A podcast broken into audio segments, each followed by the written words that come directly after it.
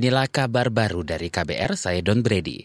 Saudara Badan Pelindungan Pekerja Migran Indonesia Tangerang Banten menggagalkan upaya pemberangkatan 10 orang calon pekerja migran Indonesia yang akan berangkat ke negara Arab Saudi. Sekretaris Utama BP2MI Rinardi mengatakan pihaknya telah bekerja sama dengan berbagai pihak untuk mengusut dan menggagalkan keberangkatan calon PMI ilegal di berbagai daerah.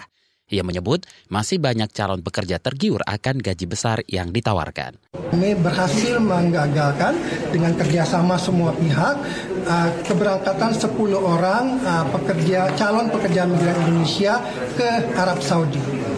Dari 10 ini ada beberapa yang sudah beberapa kali ke negara Arab Saudi, ke Qatar, ke Dubai, ke Uni Emirat Arab. Jadi ini bukan yang ke pertama kali. Sekretaris Utama BP2MI Rinardi menambahkan 10 calon pekerja migran ilegal ini akan diserahkan kepada pihak berwajib untuk dimintai keterangan guna dapat mengungkap sindikat tindak pidana perdagangan orang. Kita ke Jawa Tengah, pemerintah kota Solo menyiapkan tiga stadion untuk rencana pertandingan persahabatan antara klub Persis Solo melawan klub sepak bola Jeonbuk FC dari Korea Selatan. Juru bicara klub Persis Solo, Brian Barcelona, mengatakan pertandingan rencananya digelar bulan depan. Tiga stadion disiapkan untuk laga utama dan untuk latihan tim. Ya, tadi kan kita ke Seludari, ke Kota Barat sama ke Stadion Mangan. Rencana tim ke Solo apa? Uh, insya Allah bulan Juni.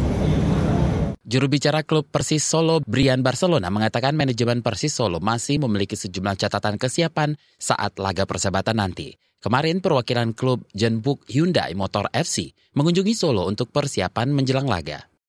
Kita ke lantai bursa, saudara perdagangan saham di Bursa Efek Indonesia pagi ini bergerak positif. Indeks harga saham gabungan dibuka stagnan di posisi 6.663 dan bergerak fluktuatif di zona hijau. Indeks sempat menyentuh posisi tertinggi di level 6.691 bergerak naik turun. Dikutip dari data RTI Bisnis, lebih dari 260 saham melemah, 180-an saham menguat, dan 200-an saham stagnan. Sejumlah bursa saham Asia juga bergerak menguat kecuali Shanghai Composite Index dan Hang Seng Hong Kong. Sementara itu nilai tukar rupiah melemah terhadap dolar Amerika Serikat. Rupiah diperdagangkan di posisi 14.919 per 1 dolar Amerika Serikat atau melemah 0,22 persen. Demikian kabar baru dari KBR, saya Don Brady.